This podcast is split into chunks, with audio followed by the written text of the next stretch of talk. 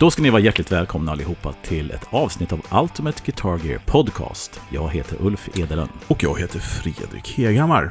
Nu Fredrik, vad ska vi prata om idag?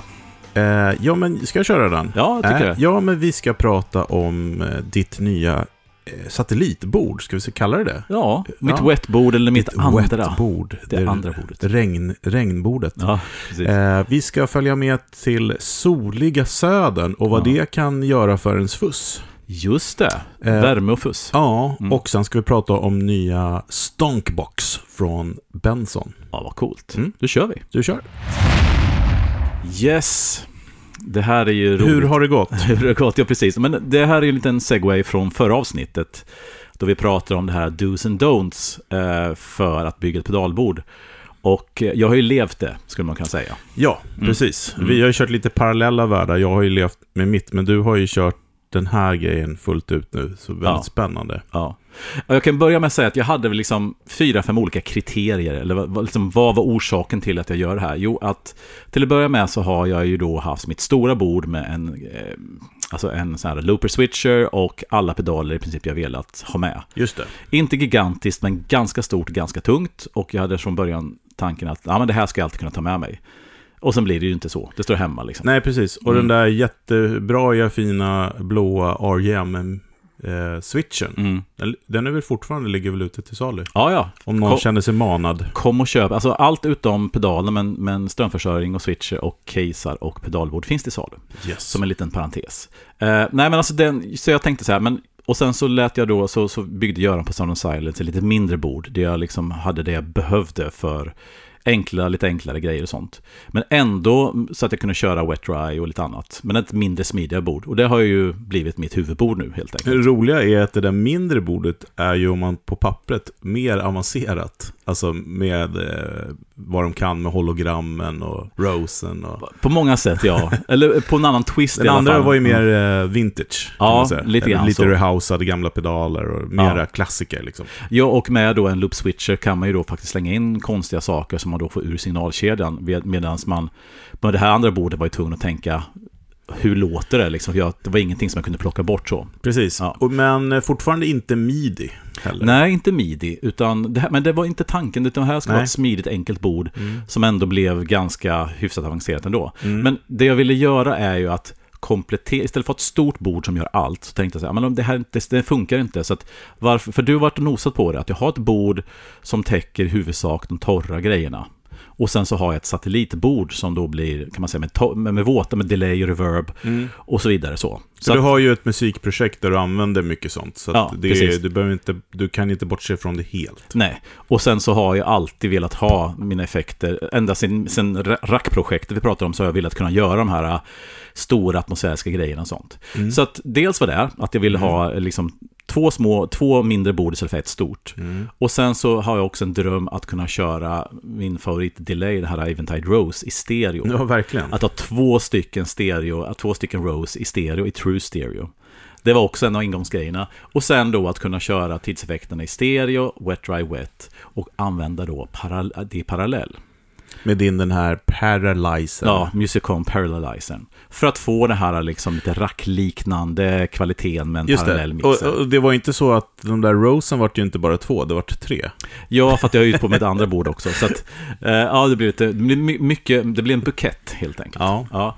Och sen så hade jag då idén om att jag ville ha då en, en gigbag till hela, så jag kunde ta gitarr i ena handen, det andra case i den andra och sen hänga det här ur axeln. Mm. Då fattas det en förstärkare, men jag ville ha det på ett annat sätt portabelt. Ja. Och sen kanske en av de st- stora, stora grejerna är att jag vill göra det här själv. Mm. Eller med väldigt benägen hjälp av dig. Ja, men testa i alla fall Ja. att göra grovjobbet som vi pratade om Ja, sist. Som precis. det kan vara väldigt vettigt att göra innan man lämnar bort det till någon som Ja, tar hur- betalt för ja, allting. Hur långt kommer man om man gör det här själv? Eh, så det, det var de huvudkriterierna för detta. Ja. Mm. Eh, men också midi ju. Just det. Det precis. glömde du bort. Ja, jag glömde bort det också. Eh, för att, Kanske den största förändringen. Ja, för att grejen är att ska man då... Rosarna har ju ingen display och de är ju lite... De är inte helt lätta att mecka med, så att om jag då ska dessutom köra två stycken som jag då ska till exempel synka med olika Mm. tider och sånt, då behöver jag nästan kunna ha en midi-pedal. Jag, där jag styr den med och kanske till och med göra vissa programmeringsgrejer och pryla med. Och då skulle man kunna tänka sig att man väljer då den enkla vägen och kör en Morningstar eh, som vi har prisat för hur lätt det är att använda och etablerat det är och allting sånt. Mm. Men inte Ulf Edelen. Nej, alltså grejen i, sam, i samband med att jag höll på att fnula på det här och, och skissa på det här bordet så, så, så snubblade jag över en eh, startup på nätet och det är en dansk kille, Mårten heter han, som har, eh, som har precis börjat eh, tillverka en midi-pedal som han kallar Mortrix. Mm. Och den har många likheter med Morningstar på många sätt. Det som skiljer den är att den har då en touchdisplay. Ja, jag tänkte, mm. tänkte så här, bara för att man ska visualisera, som det är många som inte har sett den här, så mm. ser den lite grann ut som en sån Neural DSP, alltså Cortex. Ja. Ganska mycket, fast ännu större skärm. Ja, eller som Polly lite grann så. Ja, som en fin. stor Polly med fler stor, ja. switchar. Ja. Så du har åtta switchar, precis som, eh, vad heter den, MC8 va? Ja, just ja. det. Men den har då en stor display. Och det, och det som den här displayen för med sig är att du kan på pedalen gå in och programmera tack vare touchscreenen på ett sätt som gör att du inte behöver ha en editor. Uh, och ja, nu för kom, det är en editor ju. Det är en editor och den har även då liksom, den är egentligen som en dator för den mm. har ju även wifi så du kan liksom mm. uppdatera direkt till boxen mm. via ditt wifi mm. hemma och så vidare. Och sen har den då alla midi-funktioner man kan tänka sig i, som, alltså typ som Morningstar har med alla liksom dubbeltryck och hålla inne och du kan liksom assigna sidor mm. och kan assigna switchar till vad som helst och, så att den är väldigt, väldigt avancerad. Och visst, visst var det så också att man kunde uppgradera den med olika portar? Just det, så, så den kommer med är midi in och ut då 5 pin och sen två stycken TRS midi mm. och sen så olika USB-portar. Men så har den ett liten kort eller liksom en, en, en säga, kortplats. Mm. Så den går då att köpa till hårdvaruportar beroende på vad man vill ha för, ja men kanske ethernet eller vad man nu vill ha för någonting. Va? Ja, eller så här, så man kan slå om kanaler på förstärkaren. Ja, precis, säkert sådana grejer också. Ja. Så, att, så jag har, den här pedalen är egentligen en prototyp som jag fick upp från Mårten för att prova lite grann. Och eh, jag, jag ska villigt erkänna att jag har inte hunnit dyka mer dyka jättedjupt i den. Men, men så här långt så är just att workflown med att kunna göra mm. allt på pedalen är mm. fantastisk. Och den är väldigt snygg gjord och gränssnittet är fantastiskt lättjobbat och, och snyggt. Liksom. Mm. ja, men det att, som är eh, smart mm. är att du kan ju i de här midi-pedalerna som du har då ta upp den i i Matrixen. Och där liksom höja och sänka bas eller diskant om du nu kan det. Alltså förstår du vad jag menar? Ja, tid, tid och sådana saker. Och Exakt. hur den ska rampa och mm. allting sånt gör ja. du i, i Mortrixens eh, gränssnitt. Ja. Och dels, och dels så kan du då, så att det jag omedelbart, den delen har, tror jag inte riktigt är på platsen. Men det är alltså, det här är alltså device, vad, vad kallas det, device display. Så du kan få upp din Rose och sen skicka då CC-meddelande fast utifrån ett grafiskt gränssnitt. Mm. Men sen har du också så att du får upp till exempel rosen eller andra effekter i en lista och när du får upp den listan så att nu vill då assignen CC till till exempel time på rosen. Mm. Så har du istället för den CC-nummer bla bla bla som du måste kolla på så står det rose time. Så du mm. vet vilken parameter Precis. du ska ge dig in på. Vilket gör det väldigt mycket lättare och överskådligare. Mm. Så att den blev lite grann centerpiece på bordet. Ja, men så har du ju också den som eh, drar tyngsta lasset då också, är ju H90. Ja, än så länge drar den inte så jättetungt lass, men den kommer nog göra det. Eller den kan. Den kan, ja, ja precis. Ja. Eh, jag var så centrerad på att ha två stycken av de här Rose-pedalerna, så att eh, H90 har har, har eh, liksom, eh, det har inte kommit dit riktigt än. Jag har gjort några ljud mm. på den som jag tycker låter skitbra. Men den är ju den kommer ju bli liksom den här som mm. gör heavy lifting kan man ju säga. För den kan ju i princip allt. Ja, ja. och H90 som ni vet, skillnad från H9 kan man ha två algoritmer igång samtidigt. Ja, precis. Och inom, precis. Så, och varje algoritm har ju sin jag vet inte om de kallar det så, jag kan vara algoritmer. Varje dom har ju då olika, du kan göra massvis med saker inom mm. varje del så att säga. Och sen mm. så är det väl också så att du kan, eh, alltså det här som du nu har en separat mixer till då, Paralyzen, Parallelizen, mm. eller vad mm. heter det? Parallelizer, ja precis. Ja. Tungsnubblare. Eh, ja men det har ju H90 i sig. Mm. Att man kan välja om effekter ska vara seriellt eller parallellt eller sådana saker.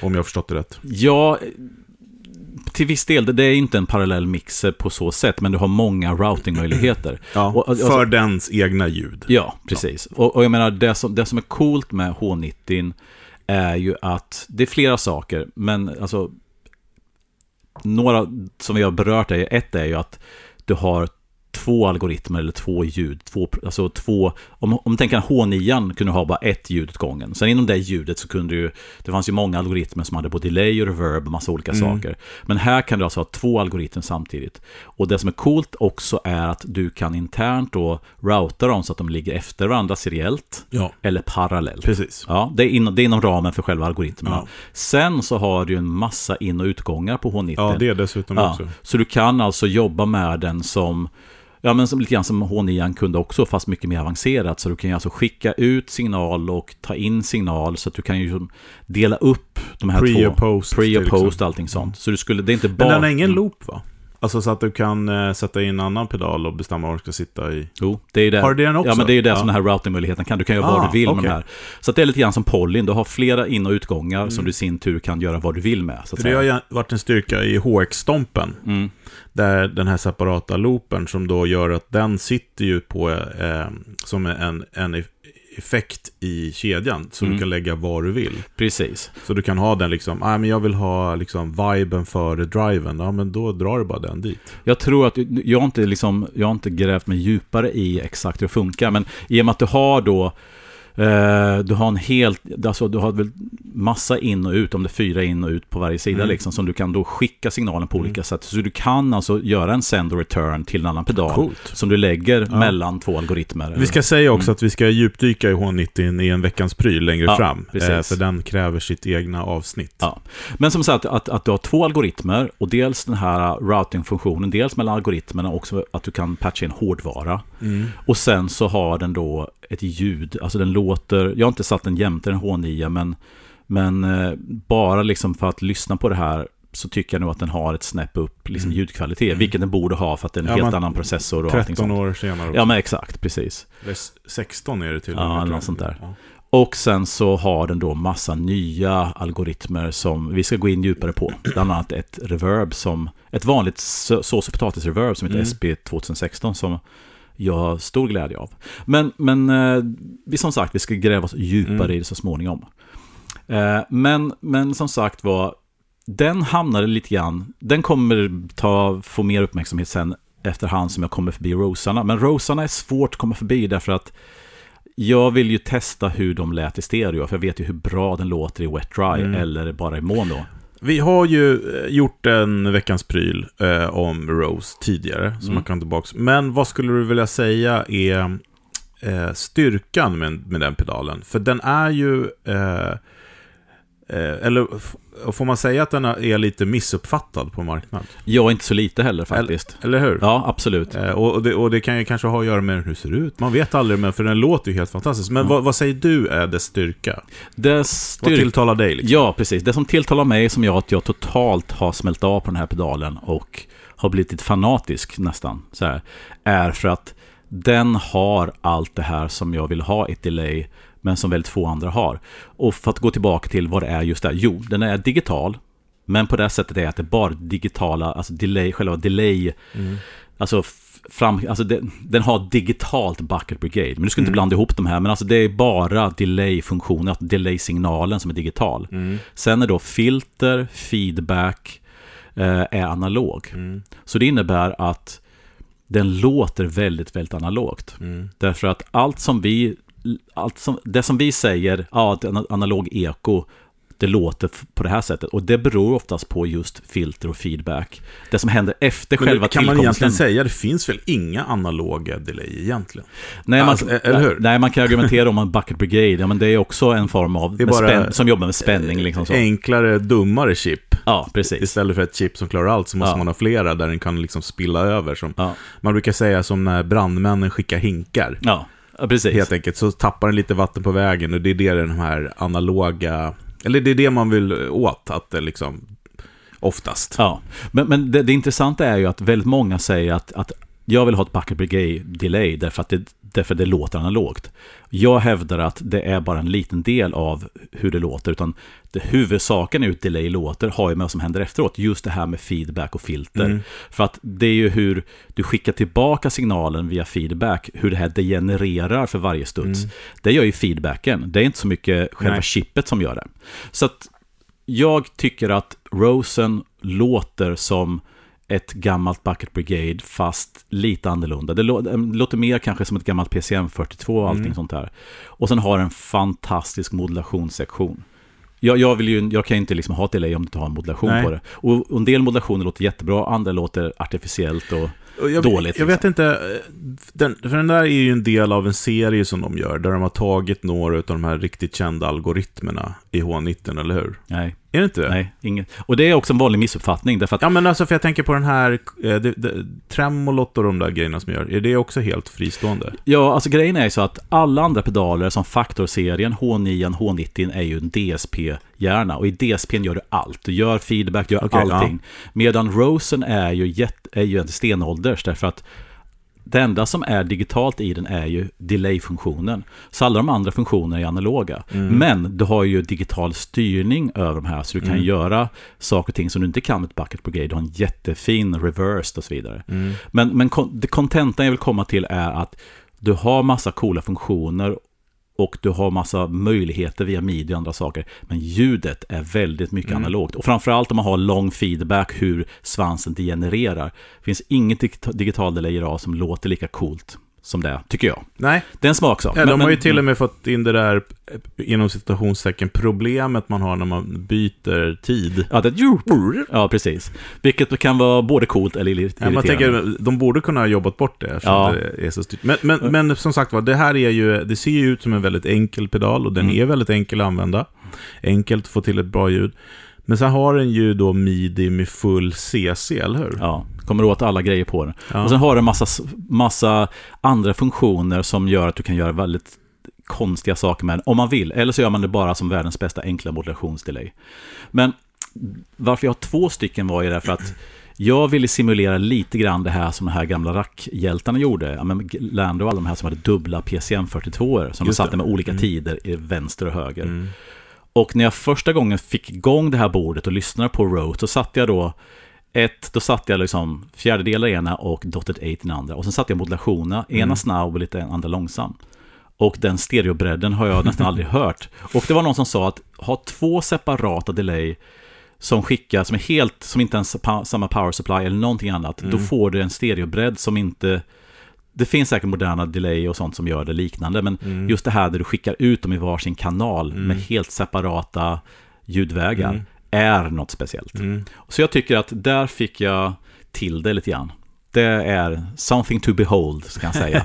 Ja, Just det, och, eh, eh, och ska vi eh, erkänna här att jag, jag har inte hunnit testat. nej. Jag har bara hört du har skickat klipp. Ja. Ehm, och vi satt ju och pratade om om vi skulle göra några ljudklipp här i podden, men det gör inte riktigt rättvisa med den utrustning vi har nu. För att, som jag nämnde tidigare så har jag ju varit och spelat i, i Norge och det varit lite grejer kvar nu. så Precis. att, eh, det ligger på posten på vägen hit, så att vi, vi eh, får jobba med det vi har. Men vi tänker vi kanske att du, om du får tillfälle, kan lägga upp några videos istället. Ja, jag För ska- det gör, jag tror att det ger bättre rättvisa. Ja, jag ska försöka få till det, helt klart. Men som sagt var, Rose... Ja, det, det är något, den pedalen är magisk, jag vet att jag tjatar om det, men den är magisk och framförallt två stycken i stereo gör mycket coola grejer.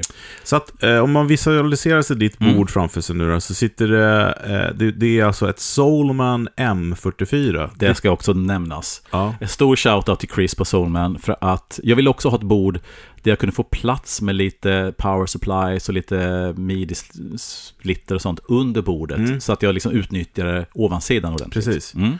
Så en M44, den är Mm. alltså 44 gånger 30 va, någonting? Ja, eller- ja, 30 eller 32. Ja. Ja. Ja. Mm. Eh, då har du då i vardera övre hörn två rosar. Mm. Och i mitten har du en H90. Yes. Ner till vänster så har du en Paralyzer från RGM va? Nej, Musicom. Tack, tack. Ja. Jag, jag blandar alltid ihop dem. Musicom Paralyzer. Ja. Och sen så Mortrix. Längst ner till höger, ja, precis. Ingen stämmis. Nej, Nej, för att det har vi Mortrixen va, eller? Den Det vet jag inte, men jag tror- H90 har. H90 har den. Mm. Och sen tanken är ju liksom, är ju att visst kan du köra det här alltså standalone i loopet på en stärk med dist, men tanken med hela upplägget med det här är att den ska då, Det geniala. ja, är att den ska vara i, i konjunktion eller samband med det andra bordet. Där finns ju allt andra Precis, och därför vart också den här kopplingsboxen ganska viktig då, som du Mm. har i ditt Soulman. Yes. För att det- som, det som eh, Chris gör är ju att man kan då köpa en kopplingsbox. Dels har man då på vänstra sidan kan man köpa, köra en sån här, man kör strömmen in med en av, av, av på switch. Och sen så har man då, kan man få en kopplingsbox. Och jag har en kopplingsbox med åtta in och ut tror jag. Mm. Och varför så många? Jo, därför att jag vill ju då skicka en signal från det andra bordet in. Mm. Och sen vill jag naturligtvis skicka left-right ut. Men det är bara tre. Men jag behöver ju fyra till. Och vad vill jag dem till? Jo, det är nämligen så här att på mitt andra bord så är min microcosm.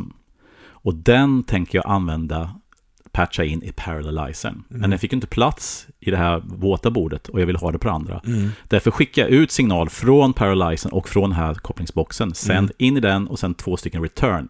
Och det är tre signaler.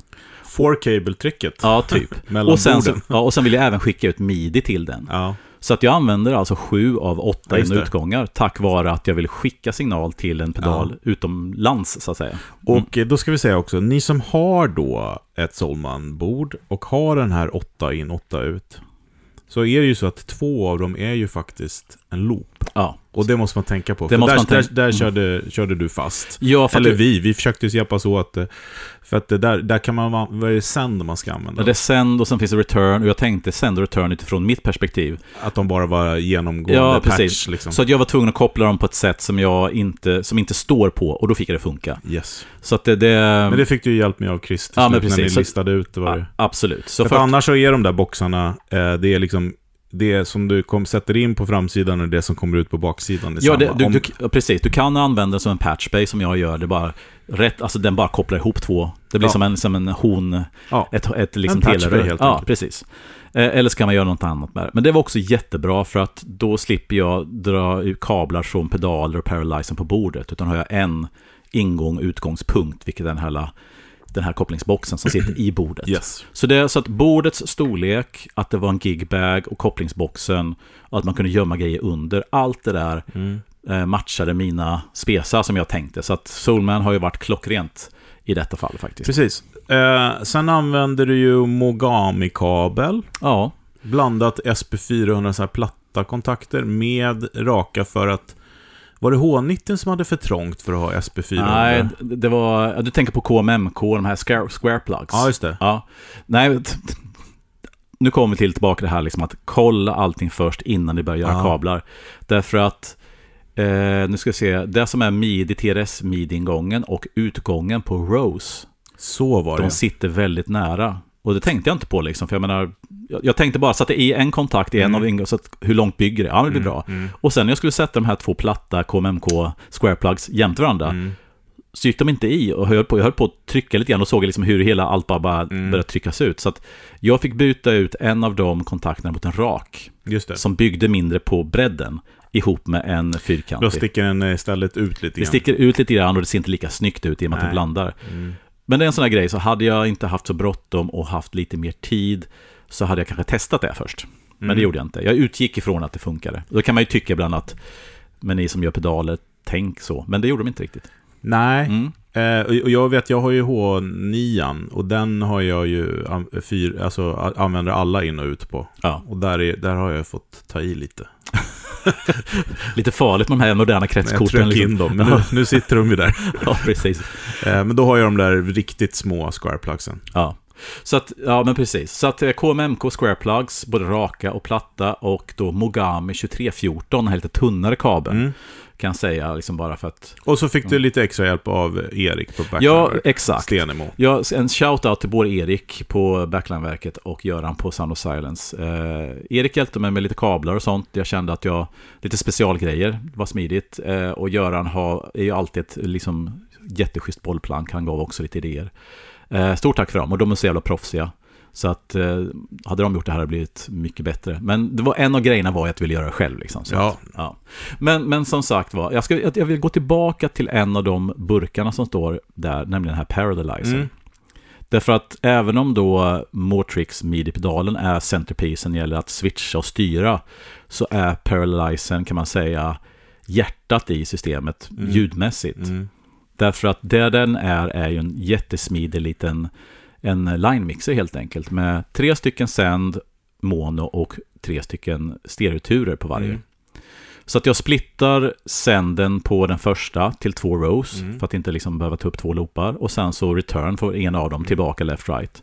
Och sen då till samma sak till H90. Eh, och sen då tredje loopen skickar jag då via kopplingsboxen ut till microcosmen som då skickas en in och sen två tillbaka. Men betyder det, betyder det här att du kan ha ditt eh, grundbord, om vi säger där drivarna sitter, mm. att du liksom kan sätta dem lite, eh, kan du liksom flytta dem i kedjan då? Nej, och det behöver jag inte, i och med att de ligger parallellt så ligger de inte efter varandra. Nej, just det, just det. Just de det. ligger ju samtidigt så att säga, det är det som är grejen. Ja, just det, just det. Vilket är...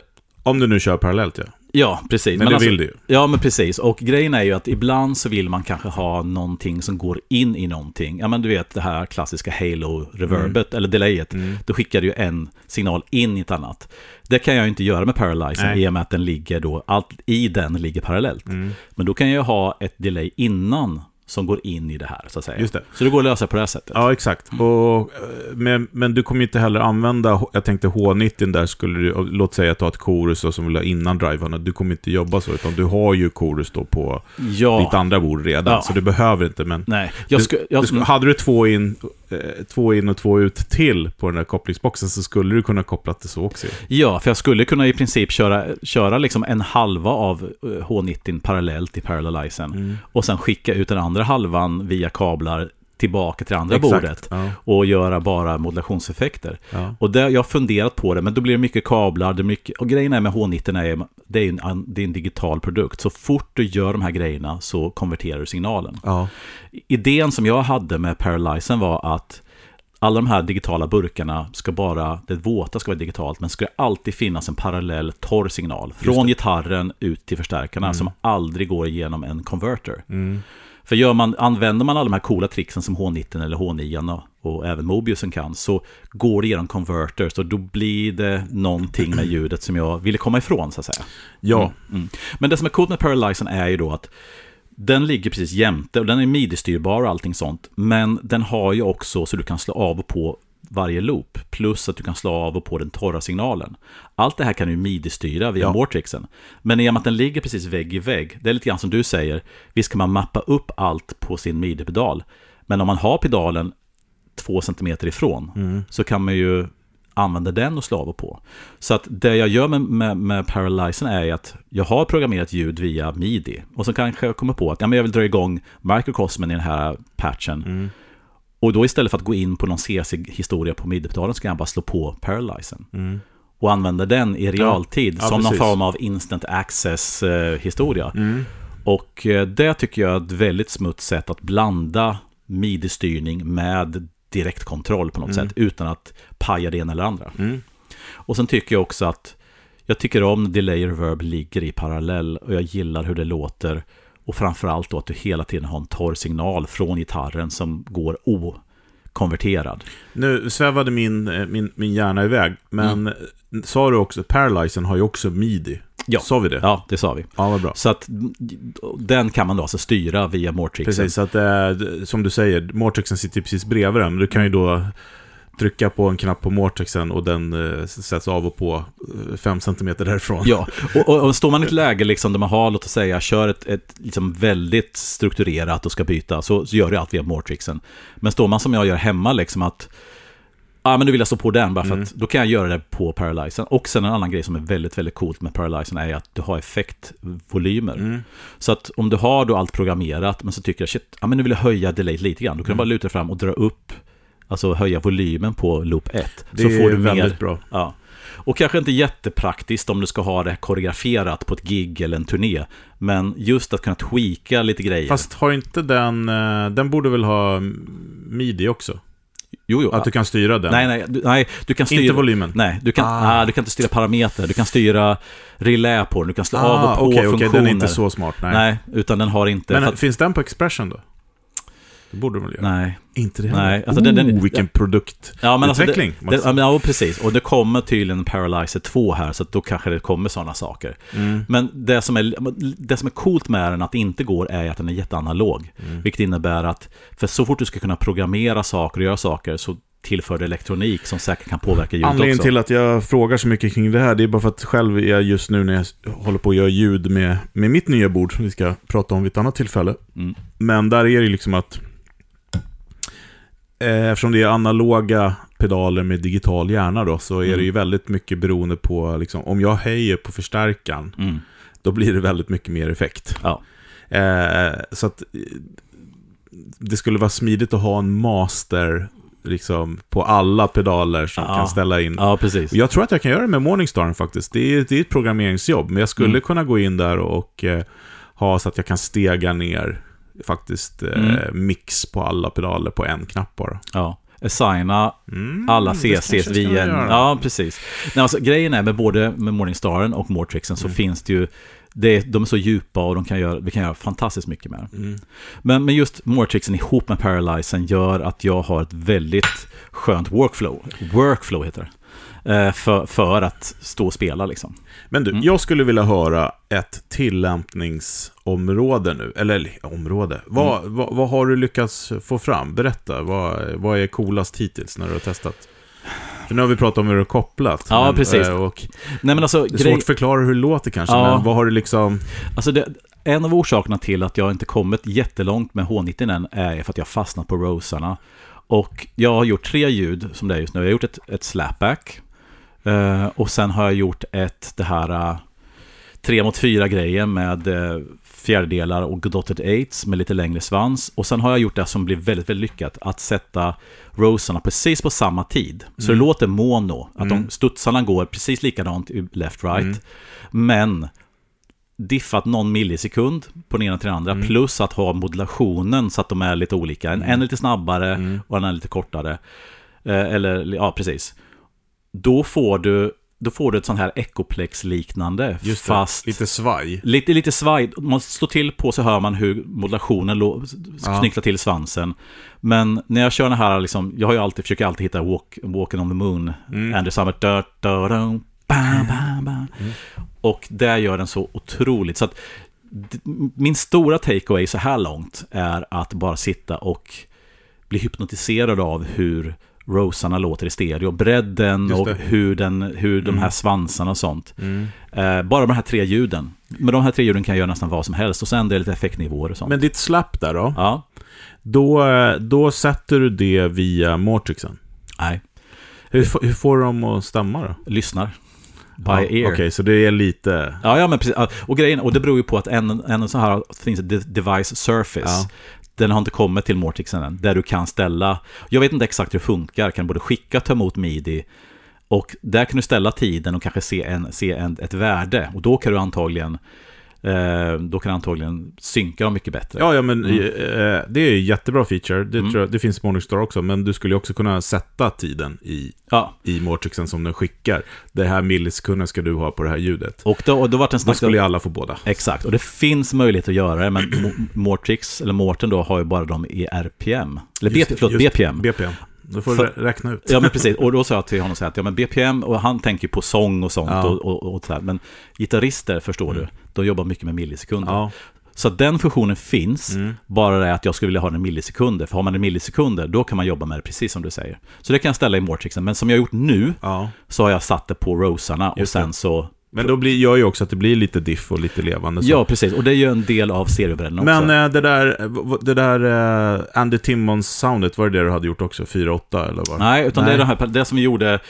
Dutta, dutta, dutta, Ja, det. fast Ja. i varsin högtalare. Just det. Andy Timmons, då ligger det ju in i... Just då det, det samma ja. Ja. Det.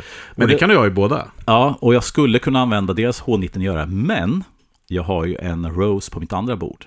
Och den signalen skickas ju till Paralyzen. Mm. Så jag skulle kunna ta det här korta delayet på mitt lilla, det andra bordet som skickas in i två rosar som ligger Mm. på ett annat tempo.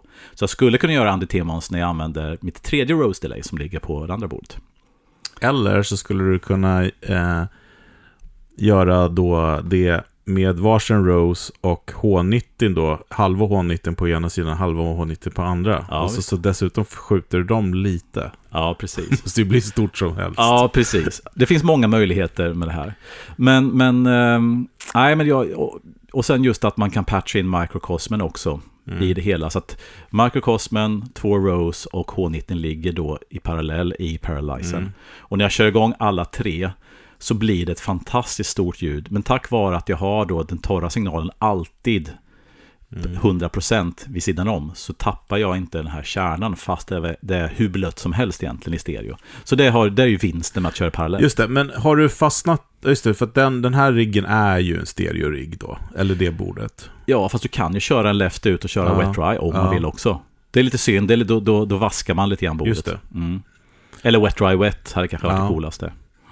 Precis, det är ju väl det, ja, det, det är ju lätt att göra. Det behöver bara ett, ett stereosteg eller, eller en Ja. stärkare. Fler förstärkare. Mm. För att jag har kopplingsboxen på mina, mitt andra bord som har då en utgång som går torrt. Och sen skickas då det våta via det andra bordet då. Mm.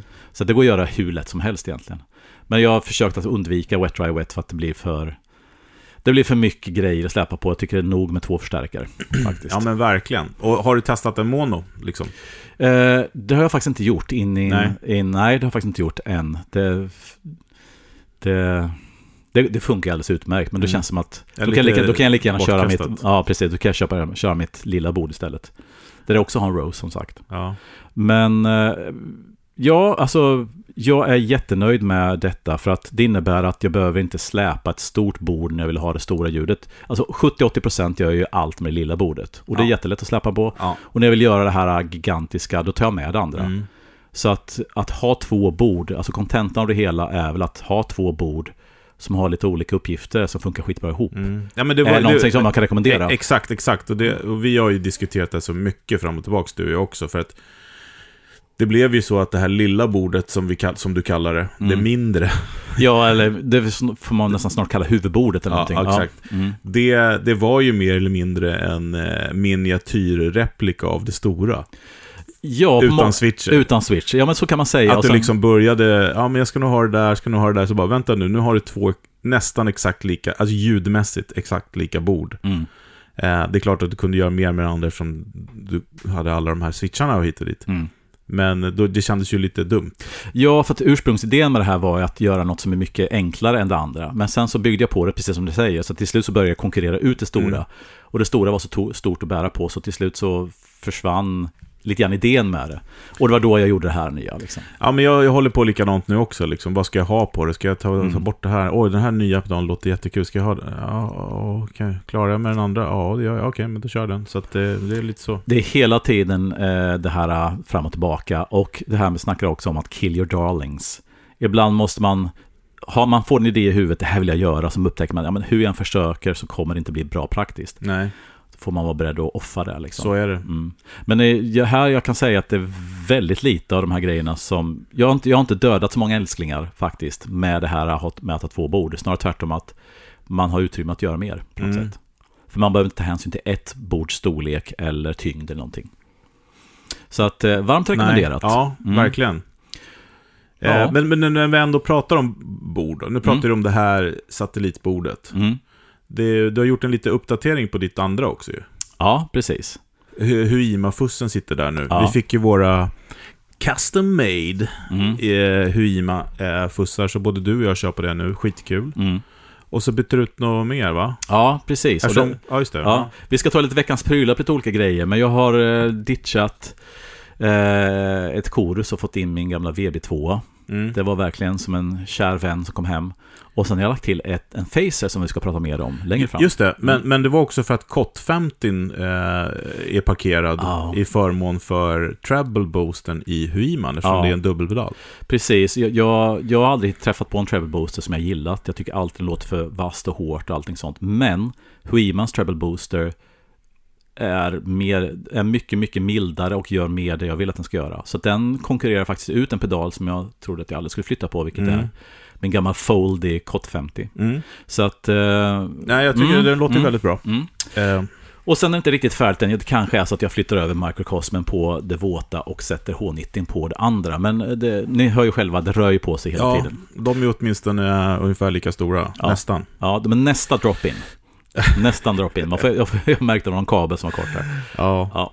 Ja, men schysst. Ja, och sen, ja men precis. Så att, eh, men ni som lyssnar, eh, ja, jag ska lägga ut ett bilder och förhoppningsvis kanske något klipp också. Jag kör Rosarna i stereo. Det kommer inte liksom riktigt gå fram, men ni kommer höra lite grann av, Ja. av hur det kan låta. Det jag har fått höra i alla fall låter bra, så att det tycker Ja. jag du kan dela mer av Ja. något liknande.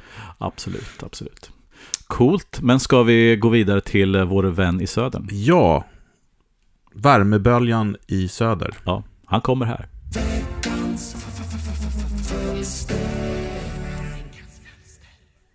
Sådär, välkomna till veckans fölster. När vi spelar in det här så är det någon slags eh, värmebölja här i södern och eh, säkert i större delen av övriga landet också. Och jag tänkte passa på att knyta an till det och snacka om fassar och hur de reagerar på en värmebölja. Eller fassar och fassar.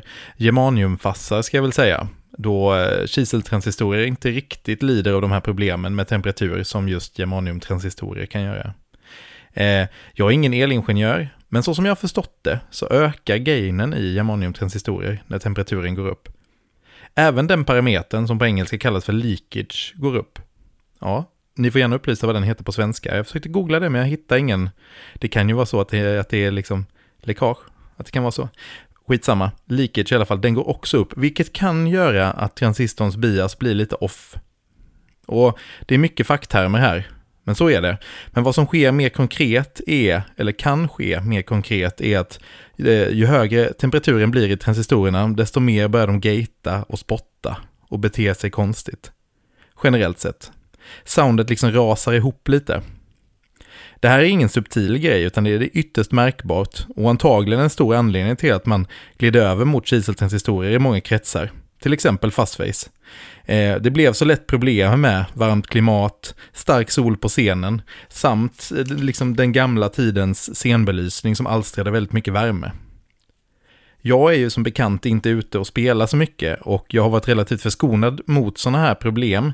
Däremot eh, har jag, likt germaniumtransistorer, eh, väldigt eh, känslig i min natur mot temperaturer. Så att eh, jag skulle sätta mig och spela i ett stekhett rum eh, hör inte till vanligheten.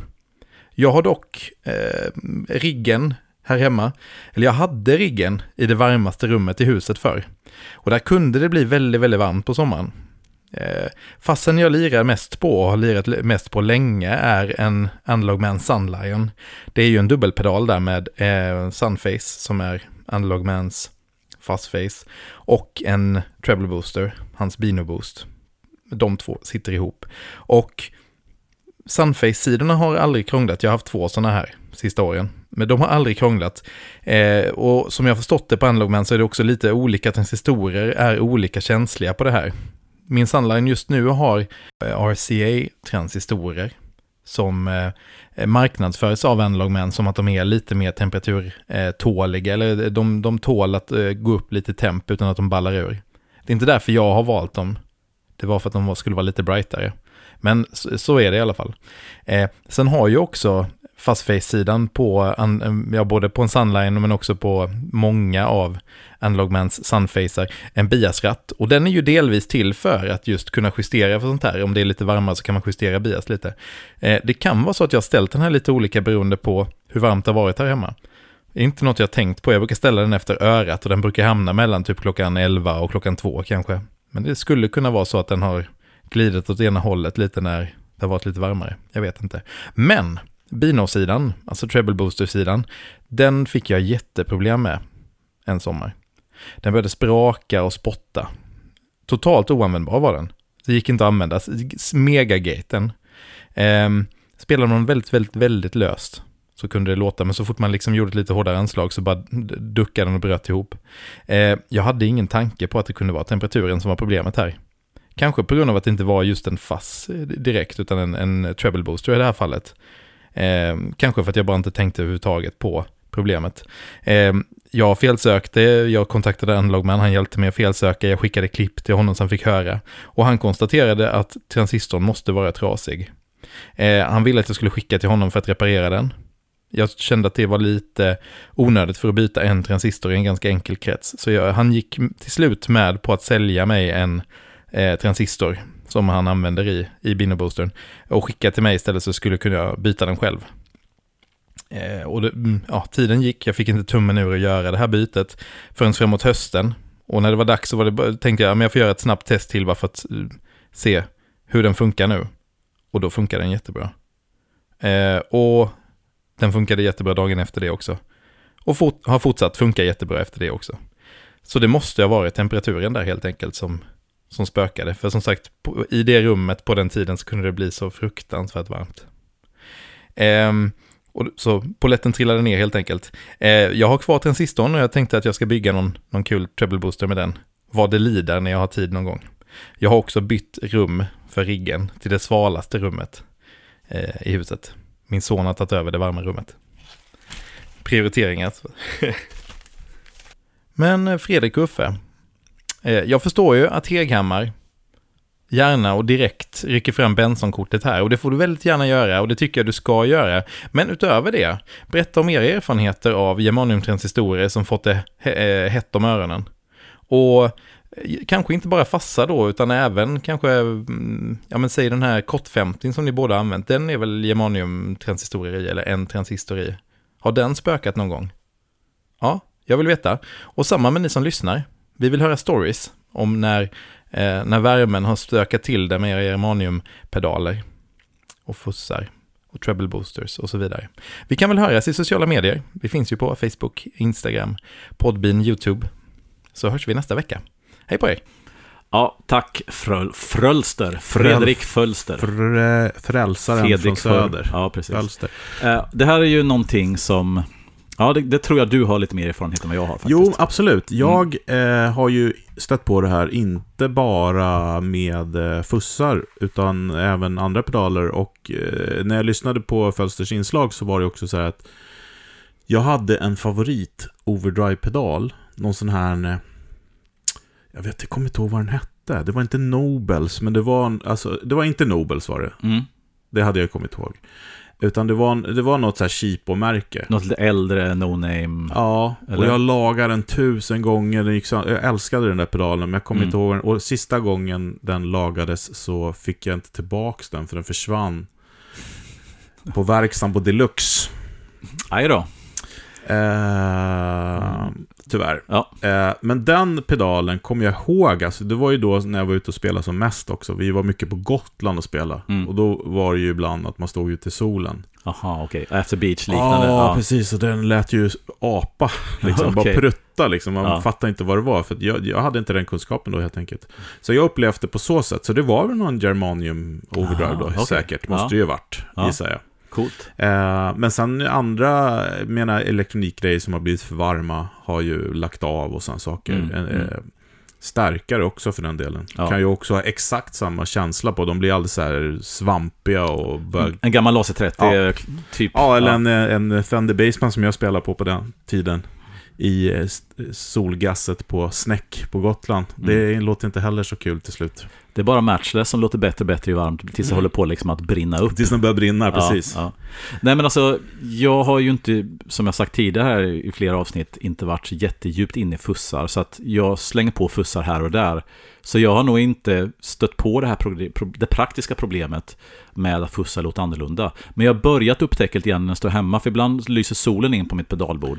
Ja. Och då märker jag att Huiman då, som är en germaniumfuss, beter sig lite annorlunda. Okej, okay, ja. Så jag har börjat... För den tycker jag är ganska stabil. Ja, ja alltså, men... och det var inga ja. alltså det är inte jättestort, men jag hör att det, det, hör att det är någon lite ja. skillnad där. Mm. Det ska sägas också, men som sagt, den är inte super, super, men det, det, det finns där liksom. Ja. Och även Kott 50 är ju, om jag inte minns helt fel, germanium, det är som en halv ja. fast face, har har det här livet, på gott och ont, som det låter lite annorlunda från dag till dag. Exakt, det är det mm. där sköra som uh, gör det fantastiska mm. på något sätt. Mm. Gränsen mellan vansinne och, eh, och uh, ja, vett. Ja. Men vad skulle jag säga? Uh, ja, men Sunfacens, precis som Felster pratar om med sin, sin Sunlion, som mm. så både du och jag har ju, det var våra äldsta fussar som vi har. Mm, absolut.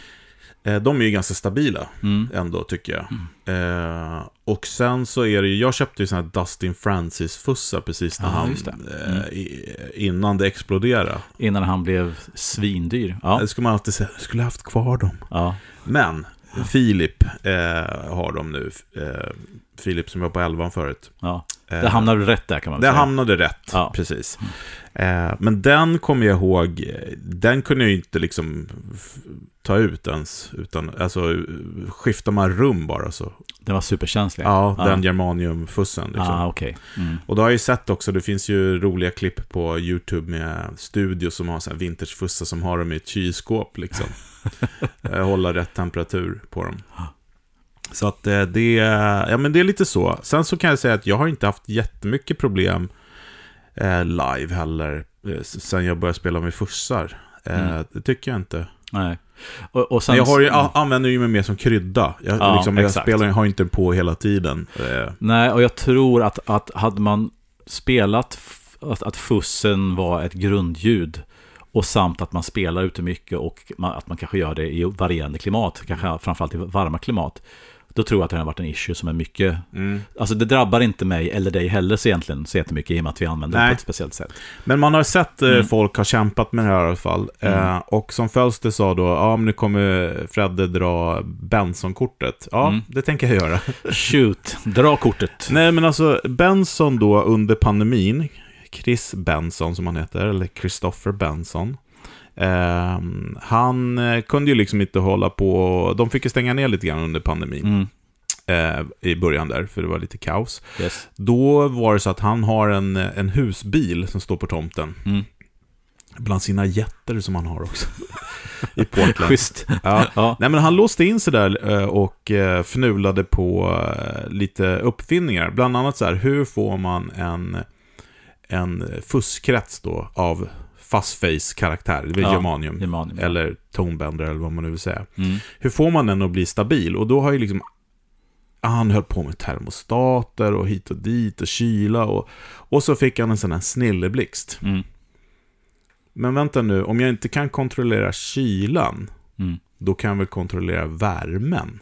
Ja, just det. Så han vände på det. Mm. Så att då är det en krets då som värmer upp, det är, är gamla kolmotståndare, har jag förstått det rätt, Right. som värmer upp eh, eh, vet du det, germaniumtransistorn. Mhm. Så att de kontrollerar på så sätt. Aha, För okej. att det handlar mer om, precis som Fölse säger, värdena kring det. ja. Det är inte, bara, det är inte så att ah, den måste vara den här temperaturen för att funka optimalt. Nej, i, i den kretsen behöver den temperaturen för Men du kan ju bygga och tweaka det från att den är hetare Ah, just det. Precis. med de här värdena. Med bias, Ja. värden och allting sånt. Ja. Så att det de gör när man sätter på en sån här thermal, con thermal control fuss-krets då. Mm. Då tar det en liten stund, eh, någon minut eller sånt, så värmer den upp. Just det. Och då ändrar lampan färg. Mm. Och, ja, Och, och då är den stabil så Mm. istället. Okej. Det är ju supersmart. Ja, men det är Ja. ganska smart. Plus Mm. också att han gjorde vita fussar istället för mörka. Okej. Som också hjälper Okej. eh, när man har på scen. Just det, att själva färgen på lådan. Låter ju reflekterar. fånigt, men det gör faktiskt det. är Ja, ja, väldigt, det är. Svart drar åt sig mycket, mycket mera. Eh, nej, men så att eh, Mm. snilleblixten var just det här med att liksom, okej, jag värmer upp den istället, för det är lättare att hålla konstant värme på den. Ja. Eh, otroligt smart tycker jag. Ja. Nej, men som sagt, så att det där är ju... Ja, jag personligen har, lider inte så mycket av det. Vi får se när jag börjar komma djupare in i fuskträsket om jag får mer problem. Vi får se. Ja, men precis. Mm. Eh, men det vore kul att höra för er, er, er som lyssnar. Vad, Ja. vad har ni sett för några? Jag kommer ihåg eh, innan, innan den här eh, Benson-uppfinningen då. Nu ska jag säga att jag, eh, jag har de här fussarna, Benson-fussarna, men det sitter inte på mitt bord faktiskt. Eh, Av den anledningen till att den är lite för stor. Ja, det är ju det.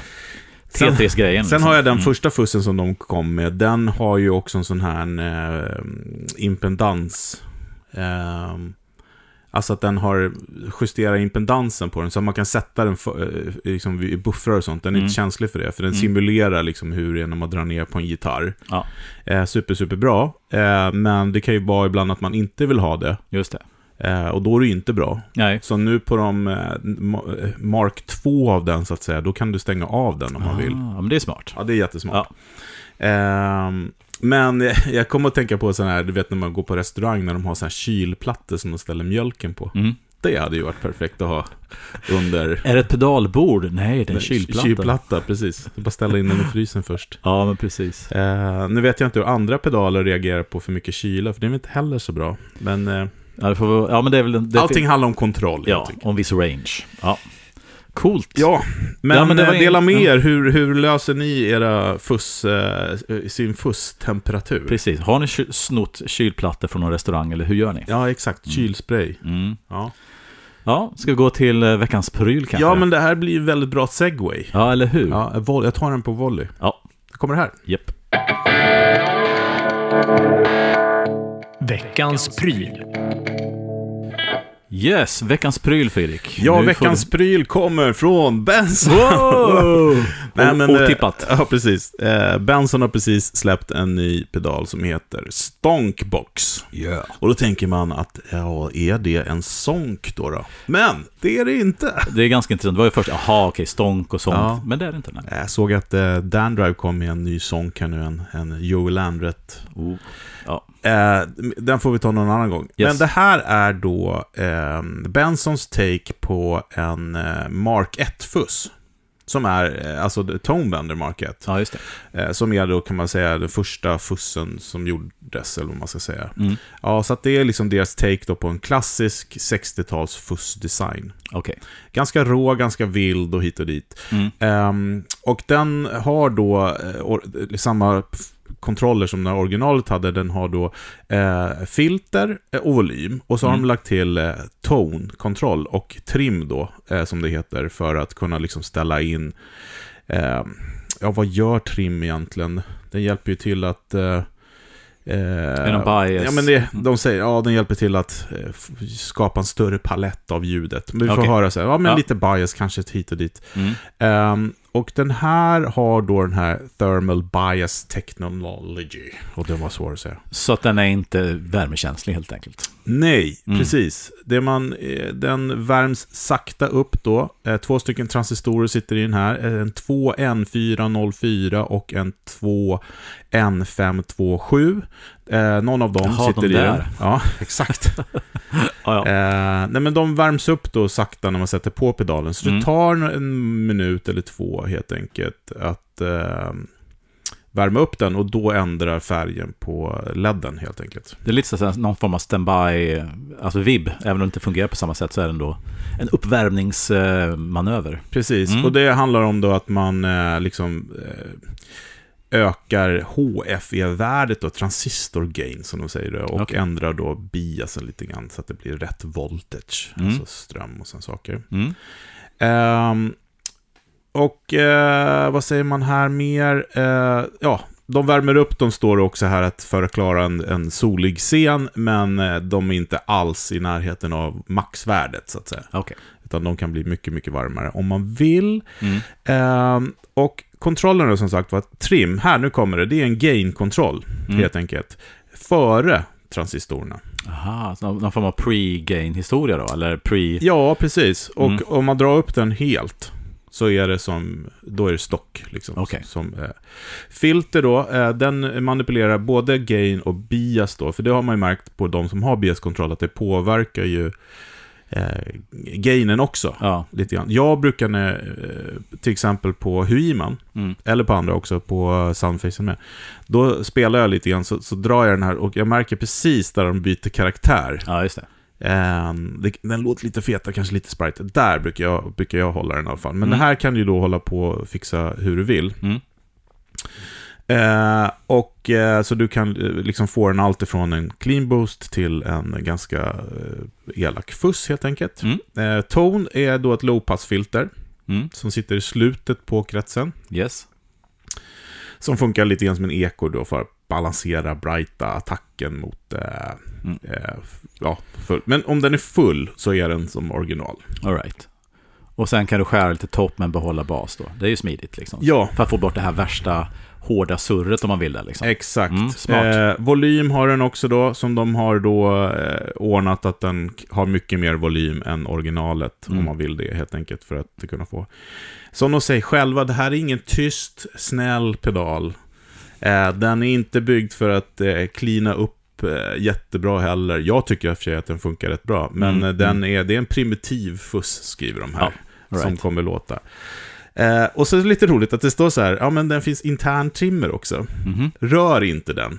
Det är som att skriva, gå in och rör den. Det är så gammal skräckfilmen. Mördaren är på vinden, gå inte upp. Och gör... Ex- Exakt, Ja, då mm. går man upp.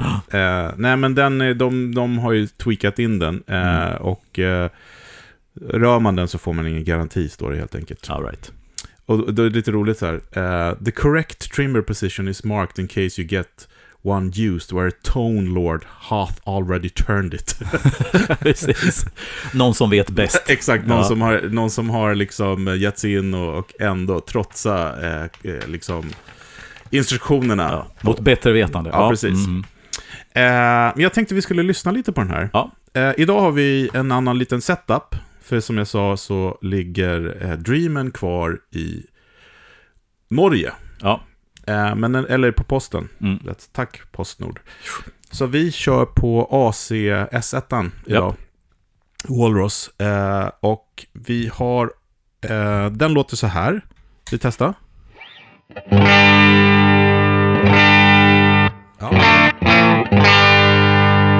Och vi kör ju tysktelen. Den är fortfarande med. Förlåt, Ja, exakt. Men eh, vi hade ju det där förra avsnittet vi pratade om eh, dirt eller clean eller dirt Mm. med fuss. Mm. Så jag ska trycka på Benson preamp lite grann bara. Går den in på ett spår? Ja, den går in på ett spår, absolut. Ja, vad bra. Eh, och den låter så här. Mm. Ytterst lite bara. Ytterst lite. Den- Den liksom cleanar upp botten lite grann, va? Ja, men fokuserar lite Ja, tycker exakt. jag. Så det är vårt grundljud då. Exakt. Eh, och när man köper den här eh, stonkboxen då så får man med ett papper med lite inställningar. Så jag tänkte, det är sex stycken inställningar. Vi kör Ja. dem helt enkelt. Shoot. Då börjar vi med den första som heter Well-Rounded Fuzz. Och den låter så här.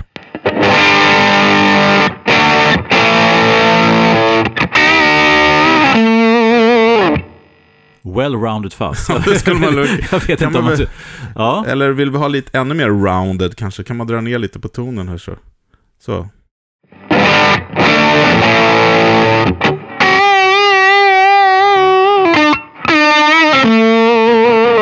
Ja, låter bra Mm. tycker jag. Mm. Då tar vi en som heter Semi-Gated då. Eh, då drar vi på här, trim upp, fullt filter nästan ner hit, volymen upp lite grann och tonen i mitten. Semi-Gated heter den här. All right.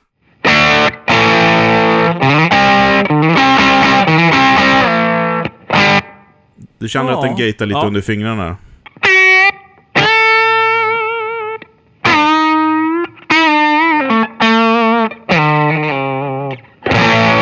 Så vi kör stock... Eh, vad heter den här? Stock Vintage. Då är vi där, där. Vi ska volymen ner. Och så ska vi ha den där fullt. Det här är alltså Tonebender Mark 1 Ja. stock. Ja. Okej.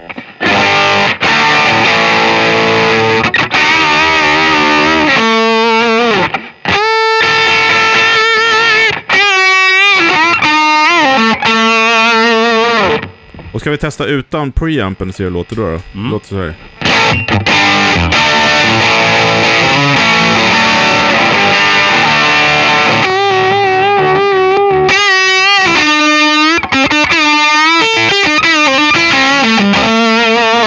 Visst. Mm. Eh, då ska vi ta eh, en som heter Cleanish Boost. Då ska vi se, då har vi där, vi har volymen så, väldigt mycket volym ser jag här. Ja, med den och den så. Det här ska vara någon form av clean boost då. Vi testar utan först då. Och med. Ja, måste nog ha lite så, mera så tror jag. Mm. Ja.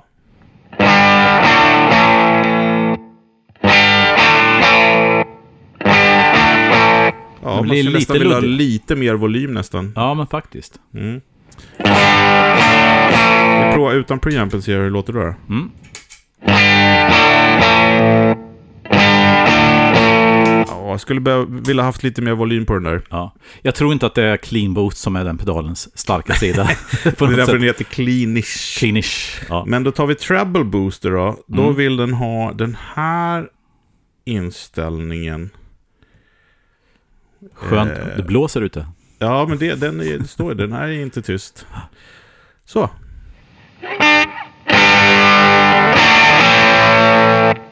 Utan.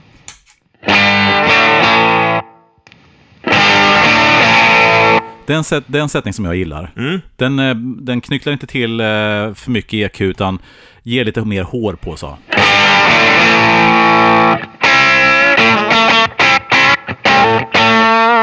Hur, hur cleanar den upp då om du drar ner lite? Ja. Ja, funkar ju. Ja. Eh, Okej, vi kör sista ljudet här som heter Fuzzy Overdrive. Jag har för mig att den här gillade jag om jag inte minns helt fel. Test. Utan? utan Mm. med? Nej, jag ska ha mera ton här på den. Mm.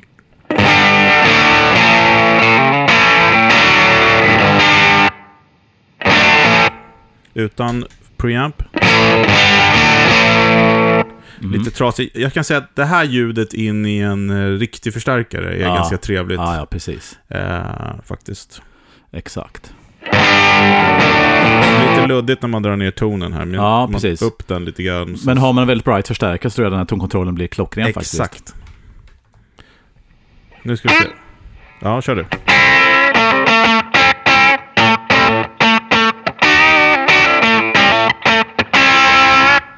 Dra upp trimmen lite.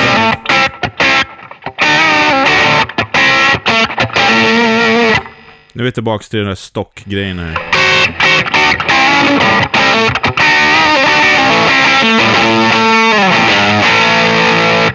Ja, som ni hör. En Mm. elak eh, det finns att och, och, och, eh, leka med helt enkelt. Ja, ja cool. Det är som, in- inte så här, äh, vad ska man säga, inte så här, ja, var användbar till många olika saker, men det den gör, gör den jäkligt bra liksom. Ja, och eh, det är alltid en trade-off att testa pedaler, framförallt fussar och sånt, i den här kontexten. För Ja. att eh, jag kan säga att den låter helt annorlunda i en förstärkare. Ja, men alltså grejen är att det, jag håller med dig, här, en sån här typ av pedal ska...